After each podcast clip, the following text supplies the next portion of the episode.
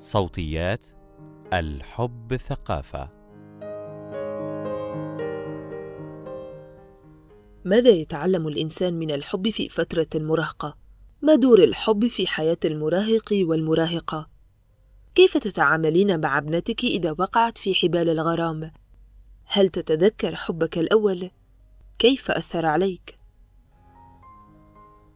الغرام في فترة المراهقة ست حقائق مقال لمروى رخا واحد أهمية الحب في مرحلة المراهقة وما قبلها. يؤمن العديد من الناس في مجتمعاتنا الشرقية بفصل البنين عن البنات خلال السنوات الأولى من حياتهم وخلال الطفولة المبكرة ومرحلة ما قبل المراهقة ومرحلة المراهقة. تختلف درجة الفصل وفقا لتقاليد وعادات كل أسرة. هناك من يسمح بالدراسة المختلطة ويمنع الحوار أو الصداقة أو المشاركة من أي نوع. وهناك من يفصل بين الجنسين فصلا تاما. يتفق مؤيدو الفصل بكل أشكاله أنه لا يجوز أن تنشأ قصص الحب أو أن تولد مشاعر بين الأولاد والبنات حفاظا على شرف العائلة وحماية للبنات وتهذيبا للأبناء. في كثير من المجتمعات توجد ازدواجية في معايير التربية حيث يتم تشجيع البنين على الاختلاط ووصم البنات ممن لهن علاقات بالتحرر أو الانحلال أو الانحراف. توضع القيود والمحاذير والنواهي لتقليص فرص الاختلاط وتستخدم أساليب كثيرة لغرس الرهبة والشعور بالذنب أو النفور من الجنس الآخر. ما أثر حب المراهقة على تكوين الشخصية ونضجها وعلى اختيار شريك الحياة فيما بعد؟ اثنان بوادر الحب.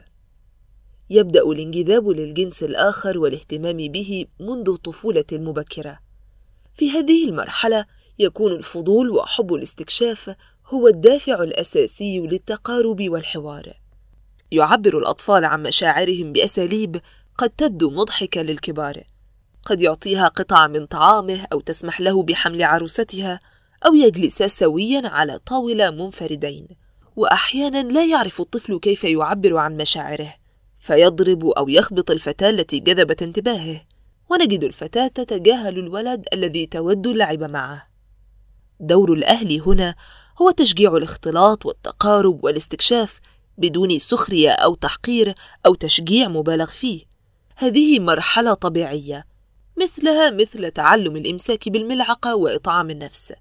إذا لاحظت أن طفلك لديه صعوبة في التعبير عن مشاعره ساعده في استخدام الكلمات المناسبة وشجعه على صياغة جمل بسيطة تعبر عما يشعر. في مرحلة ما قبل المراهقة يبدأ الاحتكاك الحقيقي بالجنس الآخر. يبدأ كل طرف في التعرف على الاختلاف والتشابه بين البنين والبنات. ومن الطبيعي أن تشعر الفتاة بميل تجاه ولد ما، وأن يعجب ولد ما بفتاة يراها بصورة متكررة. الإعجاب هنا يكون مبنيا على الشكل وقدر المتعة في اللعب والمشاركة. ينبغي تشجيع الأطفال على التعارف أمامهم وتعليمهم أصول التعامل باحترام، وكيفية مراعاة مشاعر الطرف الآخر. إذا بدر من الطفل أو الطفلة أي لفتات أو إيحاءات جنسية بسبب الأفلام أو الأغاني أو المسلسلات، يمكن توجيههم برفق وعلاج مصدر المشكلة وسببها. مشاهد الأحضان والقبلات وكلام العشق والحب لا يناسب أطفال لم يبلغوا بعد. تتفجر الطاقة الجنسية مع البلوغ وبدء مرحلة المراهقة، وكثيرا ما يتسبب التخويف وكبت هذه الطاقة الهائلة في أضرار نفسية وجسدية بالغة. كيف نتعامل مع غرام المراهقة؟ لا تفرضه. قد تلاحظ أن ابنتك أو ابنك ليس لديهم اهتمام بالجنس الآخر وغير مشغولين بالحب أو الجنس. لا تسخر من هذا ولا تفرض عليهم الاختلاط، ولا تفرض عليهم علاقات بعينها. لا تنكرها. حب المراهقة حقيقي ومؤلم ومربك. لا تقول لأبنائك أن هذا ليس حبًا. لا تقول لهم أن الحب شيء والزواج شيء آخر. لا تسفه لا تسخر من السهر وحمرة الخجل والسرحان والشوق وخطابات الحب والهدايا والحزن والدموع وباقي علامات حب المراهقة. في هذه الفترة يكون أبناؤك في قمة الحساسية وكلامك الجارح سوف يسبب لهم الألم. لا تفضحها لا تنشر أسرار ابنك المراهق العاشق من باب التفاخر ولا تتعامل مع حب ابنتك على أنه فضيحة وعار لا تكبتها لا تقف عائقا أمام نمو أبنائك النفسي هل تريد أبنائك وبناتك أن يروا الماء لأول مرة بعد التخرج ثم تتوقع منهم السباحة ببراعة؟ هل تتوقع منهم عدم رهبة الماء؟ هل تتوقع منهم عدم الغرق؟ هل تتوقع أن يكونوا سعداء وهم يصارعون الأمواج لأول مرة بدون أي خبرات سابقة؟ استغل هذه المرحلة في التقرب إلى المراهق أو المراهقة. ودعهم يتحدثون عن مشاعرهم وأحلامهم ومخاوفهم وآلامهم. لا تتقمص دور الواعظ وحاول أن تكون صديقا. تعرف على أصدقائهم وافتح للجميع بيتك وقلبك حتى تكون الملاذ الأول والمستشار المفضل والحضن الآمن. من حقك وضع حدود للعلاقة ولكن عليك شرح وتفسير الأسباب. علم أبناءك وبناتك في هذه المرحلة أهمية الرضا المتبادل والاحترام والصراحة والأمانة والمسؤولية. لا تهمل الكتب التعليمية والمراجع العلمية المناسبة لعمرهم ولا تفرض عليهم نقاشا لا يقبلونه وغير مرتاحين لها. ما هي فوائد حب المراهقة؟